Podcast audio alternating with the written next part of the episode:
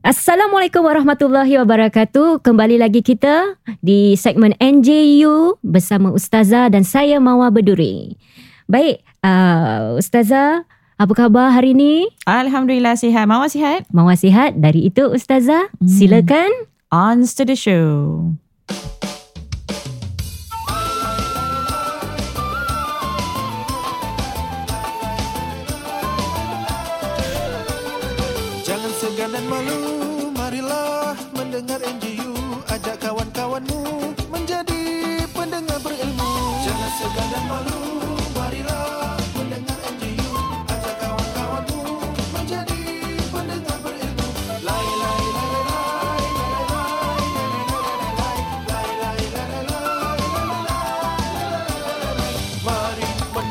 Masya Allah, Alhamdulillah Ustazah. Nak tahu kenapa tak? Apa? Apa yang jadi ni? Banyak sangat soalan orang hantar oh, pada banyak kita. Eh? Okay. Ha, so, hot lah Ustazah.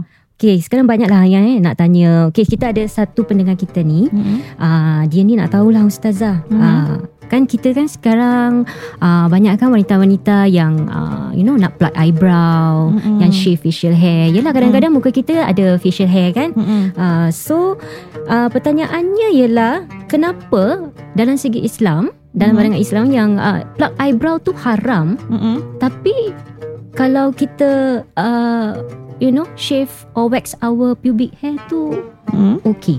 Oh. Ha, minta penjelasan Ustazah. Okey.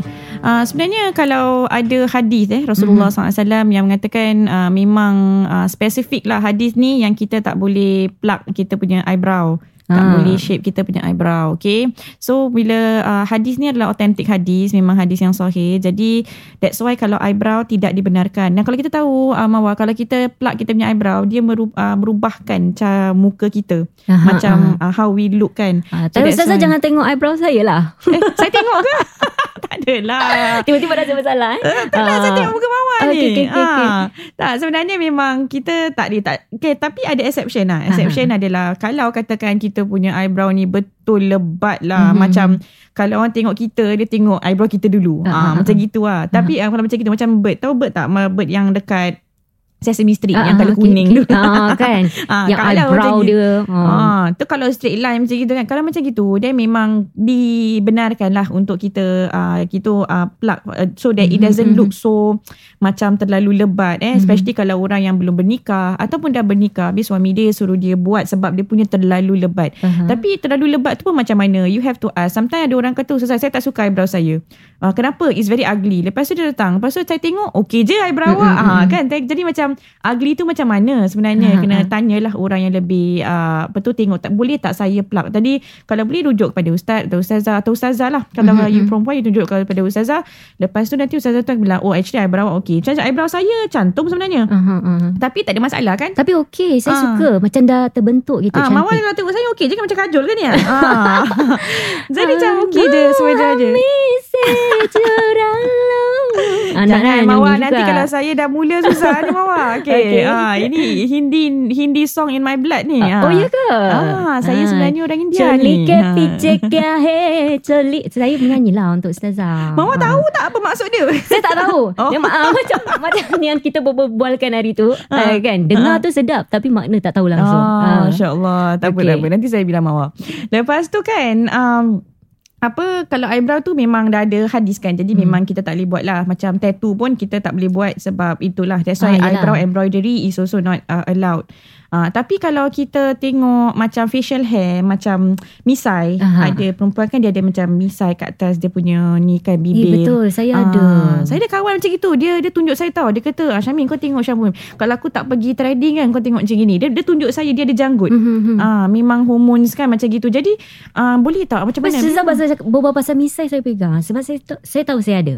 Oh ada. Ha, tapi tak shave lah. Uh, ha. Tapi kalau shave kan Mawar dia lagi cost tau. Dia lagi yeah, exactly kasar. Right. So instead of shading, uh, shading pula. Instead of uh-huh. apa tu shaving, kita apa tu wax. Uh, oh, uh, okay, kalau wax tu dibenarkan dalam Islam. Wax dibenarkan. Cuma Sebenarnya, kalau kita shave, tak dibenarkan. Boleh nak shave pun nak wax silakan. Boleh lah. Cuma tak digalakkan shave. This is not in Islam tapi tak digalakkan shave sebab kalau shave kan nanti lagi macam lagi kasar. Aha, dia lagi uh, tumbuh lebat katanya. Yeah. So kalau okay. uh, macam facial hair yang mana memang memang lebat ataupun saya ada orang-orang yang mana saya tengok dia datang kat saya dia punya anak rambut ni sampai ke depan dia nak pakai mm-hmm. tudung pun susah. Uh, jadi macam mana ustazah boleh tak? Kalau macam gini memang Islam is actually um, apa simple, kita eh? simple uh-uh. benda tu memang mengganggu kita kalau benda tu memang mengganggu kita benda tu memang mengaibkan uh. maka kita boleh uh, apa do something about it and waxing is allowed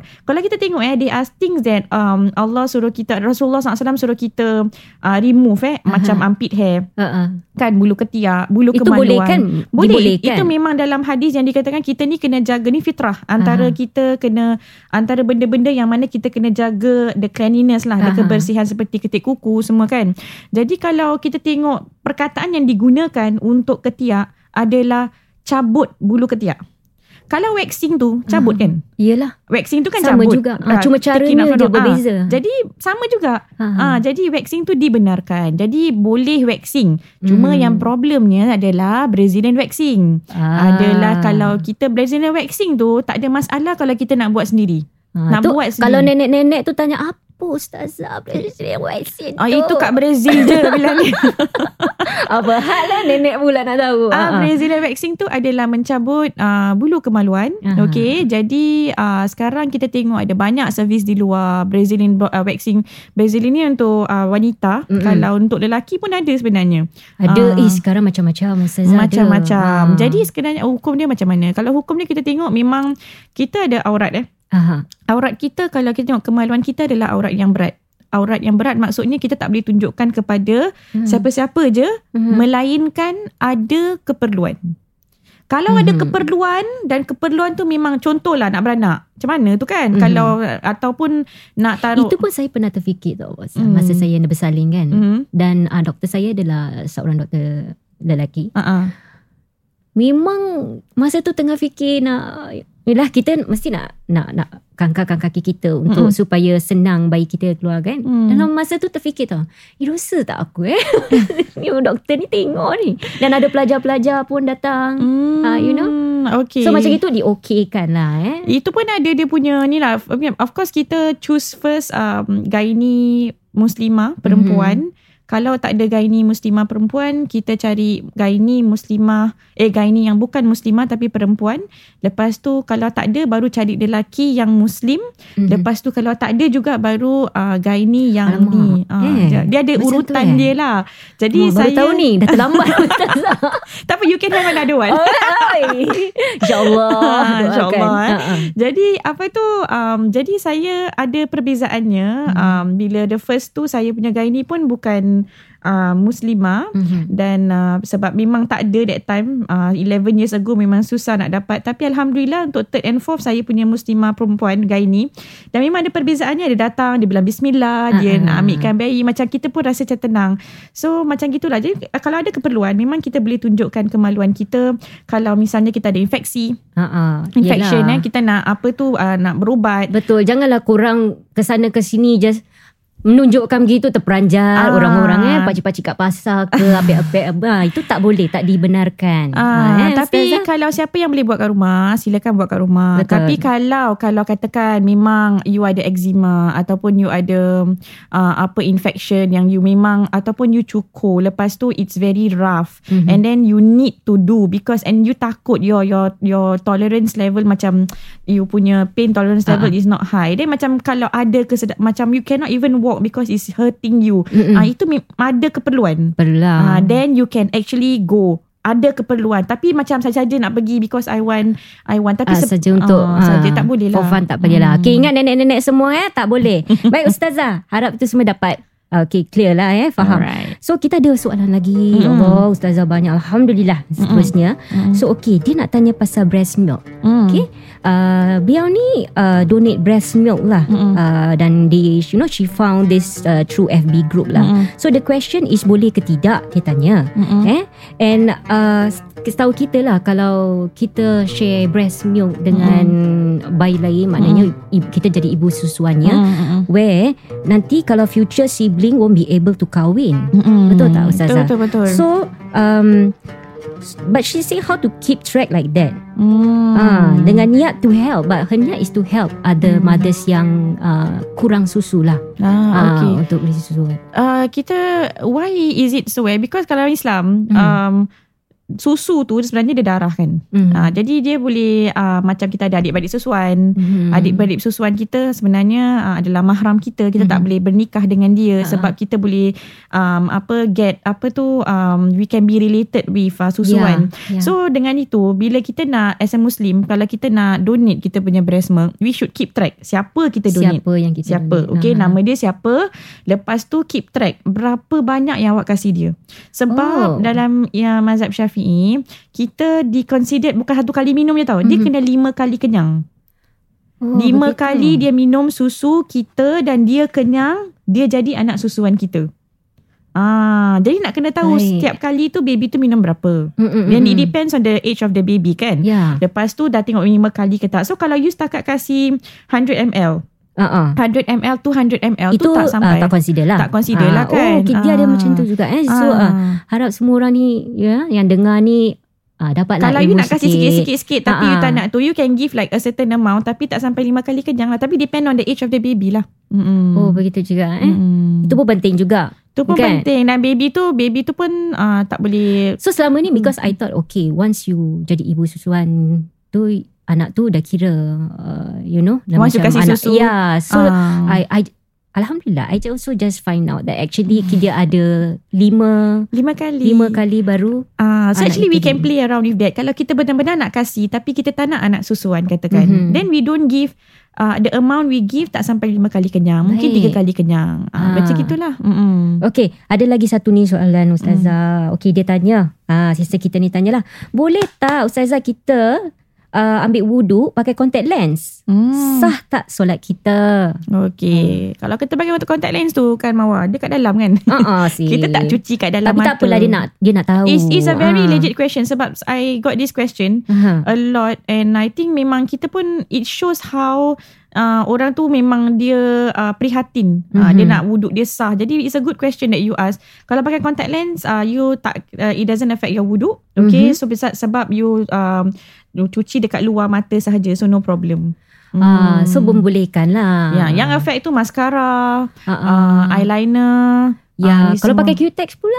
Kalau pakai Q-Tex, ah kalau pakai Q-Tex dia tak boleh lah sebab ada hadis Rasulullah SAW, ada seorang sahabat eh, Hmm. dia ambil wuduk and then he dia tak ambil wuduk sebesar ja, macam apa kuku tau. Satu Baik. tempat sebesar kuku ni tak kena tempat wuduk tu sepatutnya kena. Rasulullah SAW suruh dia ambil lagi. Ah, jadi kalau kita pakai Q-Tex pun tak kena kan wuduk. Ada sekarang kita ada hana- halal nail polish kan. Aha. Tapi dia kata it's perm- permeable tapi uh, 95% je air. Habis 5% Uh-uh. tak kena air macam mana tu? Oh, tak boleh jugalah. Tak boleh lah kalau I kasih you makan, I kan I bilang dengan you 95% halal, 5% je kat atas atas pinggan tu Mm-mm. mungkin najis. Nak makan tak? Ah, yelah, tak nak juga. Tak nak juga kan kita nak 100%. So ah. suami kita bilang kita uh, I loyal dengan you, I setia dengan you 95% je. Okay, but Hmm. what if dia dah uh, bersihkan lah kan Mm-mm. Q-tex tu. Mm-mm. Tapi mungkin ada lagi bilin-bilin yang dia tak nampak. Tapi lepas dia dia tetap solat juga. Ah, she, Ah. eh, she has to remove it lah. Dia macam cat. Yelah, Cat pun tapi uh, dia dah remove. Mm-mm. Tapi dia tak perasan mungkin ada lah lagi-lagi uh, sikit-sikit yang ni. So, dia pergi solat. Uh, lepas tu dia realise. Ah, realize. Ah, lepas tu dia kena remove, dia kena solat lagi. Ah. Macam cat pun sama. Kerana Okey, kita okey. cat um, orang depan kita solat, kita nampak tau dekat dia punya tapak kaki tu ada macam cat. Mm-hmm. Kita kena bilang dia, eh sebenarnya tadi ambil wuduk kan? Ha-ha. Ah, tak sah. Jadi kena remove dengan terpentai ke apa. Lepas tu uh, ambil wuduk lagi, solat lagi lah. Ah, itu dia, eh. Hmm. So, okay, kita ada lagi. Ya Allah, Alhamdulillah. Banyak lagi eh. Ada masa lagi eh semua. Hmm. Ah, okay. Kita ada lagi satu ustazah ni. Kakak ni cakap apa tahu ustazah? Hmm. Ah, selalunya kita uh, tahu lelaki ketagih pon. Hmm. Tapi sekarang ni dia ketagih pon. Dia ni Mm-mm. seorang wanita lah. Hmm. Uh, So isu dia dia teringat pasal kisah silam dia dengan hmm, bekas mata dia lah. Hmm. Uh, so boleh tak in, ini ak- akan dapat pengampunan? Ha kata dia something like that. Hmm. Pon ni kan Mawa. ah. Ah, ah. Is that the question dah habis? Ya, dah? Tu. ya. Okay. Pon ni kan Mawa. It's a very very common question. Kalau tak Uh-huh. porn masturbation, it's a very common question. Kita Uh-huh. tahu dan porn ni kan is not just men tau, is woman. Woman Yeah. pun ada ketagih porn, ada ketagih masturbasi dan Mhm. bukan orang yang uh, yang apa tu belum bernikah, orang yang dah bernikah yang dah ada anak pun ada. So it's it's a common thing, okay? Mhm. But I'm glad that people ask. That Yeah. means they are working towards it. Mhm. Um, memang apa tu um, porn ni semua it's a it's something that um, kadang-kadang tak ada kepuasan dalam uh, perkahwinan. Kita cakap Mhm. pasal perkahwinan kan yang hari tu um, tentang kepuasan Ya, seks eh. Betul. Uh, sebenarnya uh, ada yang buat porn, ada yang tengok porn atau masturbasi kerana tidak ada kepuasan seks dalam uh, perkahwinan. Itu tu another factor. Tapi um, that shouldn't be a reason lah why it lead us to porn. Sebab Ya, kita betul. kalau tengok, jangan tengok hukum pun, jangan tengok apa-apa. Porn tu dia sebenarnya it's it's making us miserable. Dia adalah satu Mhm. benda yang mana kita ketagih uh, dan Aha. kita macam dia benda tu tak realistik sebenarnya. Tapi seandainya kalau dia suami isteri, hmm. ah dia menonton porn tu untuk Together. membantu ah untuk membantu um, apa ni sex life mereka. Hmm, Macam itu pun ada dibolehkan tak? soalan. Ah, kalau macam itu boleh ke tak? Rasa-rasa Hmm. mau? I don't know. I Ah. mean kan kalau dua-dua he's there, she's there, I don't know mungkin okay bagi saya kan tapi Ah. saya tak tahulah kalau dalam hukum Islam tu Okay. macam mana ah, Kalau tu kita minta ustazah. okay, Sekarang the, the thing is that Kalau kita tengok porn Sama-sama dengan suami kita Yang kita tengok ni adalah Aurat orang lain Okay, Laki kita tengok aurat perempuan lain, Aha. kita tengok aurat lelaki lain, kita pun tengok aurat berat. Uh, we are not supposed to see the uh, you know like kemaluan uh, perempuan lain. Aha. So we are watching together. So kita I if if we want to satisfy our sexual desires um uh, between husband and wife, it should be done in a halal way. Right. Bukan kita tengok benda ni. Sebab Tapi apa mungkin tahu? dia tak tahu cara-caranya. Hmm. Ah, tak ada tutorial. try and error. you have ya so much Allah, time to aku try kata and error. suara jantan keluar. ya, sorry. Tapi okay. memang boleh try Ah, and error. Macam Okay. I don't think we are all in build with this. Ah, like ah. uh, tapi dengan suami kita, that's why I say open communication, try and error dengan Okay. suami kita kita flirt, Ah, kita berikan eh yang salah lah ni. Ca- uh, then is very one thing important is kita nak Eh, kena suka bilang. aku berbual pasal Ah. ni, eh. eh but actually it's, it's Ah, ah, true ya. lah macam apa um I nak macam gini, I nak Ya, macam sebab ni. nak Ah, tanya orang kan ah. tabu this you know this topic is So Yeah. Orang tak nak tanya. cakap dia Ah, Tapi ah. it has to be talk Tapi bila you cakap You have to macam Kita bukan cakap untuk apa Kita cakap yeah. sebab People need guidance Then Bila macam You should tell your husband Macam I nak macam gini I nak macam gitu Boleh tak You buat macam gini dengan I It's ah. nothing wrong It's Yelah, tapi kita kan halal. perempuan kadang-kadang kita malu Ustazah Oh tak apalah Ah. You start lah You you you you take the first step ah, Boleh ah. Malulah nak cakap cerita-cerita tu semua ha, kan Jadi kalau kita malu Mungkin bagi ada lah Mm-mm. kan Yang lain malu Jadi uh, sumber yang mereka boleh Mengajar mereka untuk lebih uh, Baik dalam performance mereka Di belakang tabir tu Mungkin Mm-mm. mereka menonton tu Mm-mm. kan uh, Bagi ni Mm-mm. kalau Tapi yelah hukum, uh, bagi hukum Islam kita tidak dibenarkan jadi kita Mm. kena ikutlah kan Mm, It's also leading to porn addiction nanti oh is it eh, Porn There's an addiction to porn Macam gaming semua ah ya ya Jadi ya, bila ya. kita dah watch Kita nak watch lagi Nak watch lagi Lagi macam it become more and more and more Yelah hmm. Jadi dia makin uh, menginginkan uh, apa tu kepuasan daripada ses, uh, sesuatu yang tak realistik It lah. also give birth to a lot of unnatural kind of way of sex Like Mhm. BDSM and all that Mm-hmm. hmm. Okay. Salah. Hai.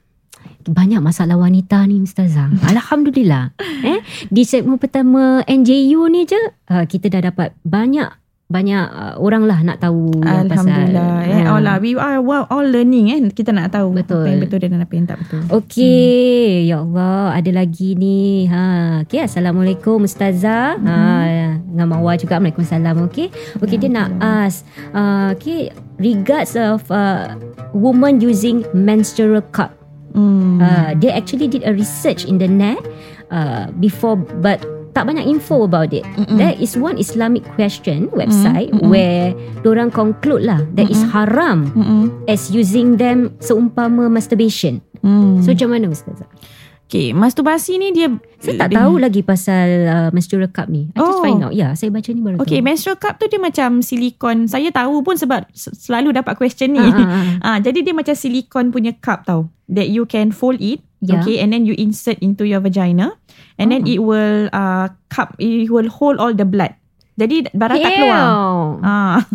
tapi ya tak keluar? tapi dia zero waste. That means it's environmentally friendly. Okay. Kalau kita ada menstruation satu hari je kita pakai berapa you pad. Mean, you mean dia macam mana? You insert uh, in your vagina? Yeah, and then it tu, will open up and hold all the blood. You mean like the tampon gitulah? Ah macam dia gitu. Yes, up? yes. Ah. Tapi tampon dia pakai uh, macam sama cotton and all that kan tapi hmm. kalau ini dia tak uh, dia adalah satu cup silikon sahaja jadi dia uh, you have to take it out bersihkan lepas tu pakai balik um, so it's you are saving you um it's environmentally friendly lah uh-huh. uh, kalau hukum dia tak ada masalah sebenarnya uh, it's um it's just another mean uh, another way to uh, as a macam tampon. Dan there are people who like to use it because orang swim ataupun orang berenang atau apa macam they they prefer to use something that is not ours ada ada orang dia ada allergic. Ha, tapi will feel uneasy sih. Ha, dia ikut sebenarnya ikut orang lah. Ha, ha, lah. ikut, ikut keselesaan orang, lah kalau ikut orang tu boleh ha, ha. kalau dia nak okay, okay. Ha, tak ada masalah. Dan dia bukan masturbasi sebab ha, ha. masturbasi ni dia berbeza. Maknanya dia hmm. uh, tak haram lah. Dia boleh dia boleh tapi ikut niat orang tu lah. Kalau dia memang nak pakai lepas Hanya tu dia untuk, khayal-khayal benda ha, lain ha. Ha, itu dah lain lah kan ha, ha. itu dia hmm. harap semua terjawab sudah hmm. Ustazah okay Alhamdulillah Ustazah. Ber, uh, terima kasih atas segala uh, jawapan-jawapan Ustazah. Harap dapat membantu yang lain. So, terima kasih kepada semua kerana mendengar NJU bersama saya Mawar Baduri dan Ustazah Syamin. Assalamualaikum warahmatullahi wabarakatuh. Bye-bye.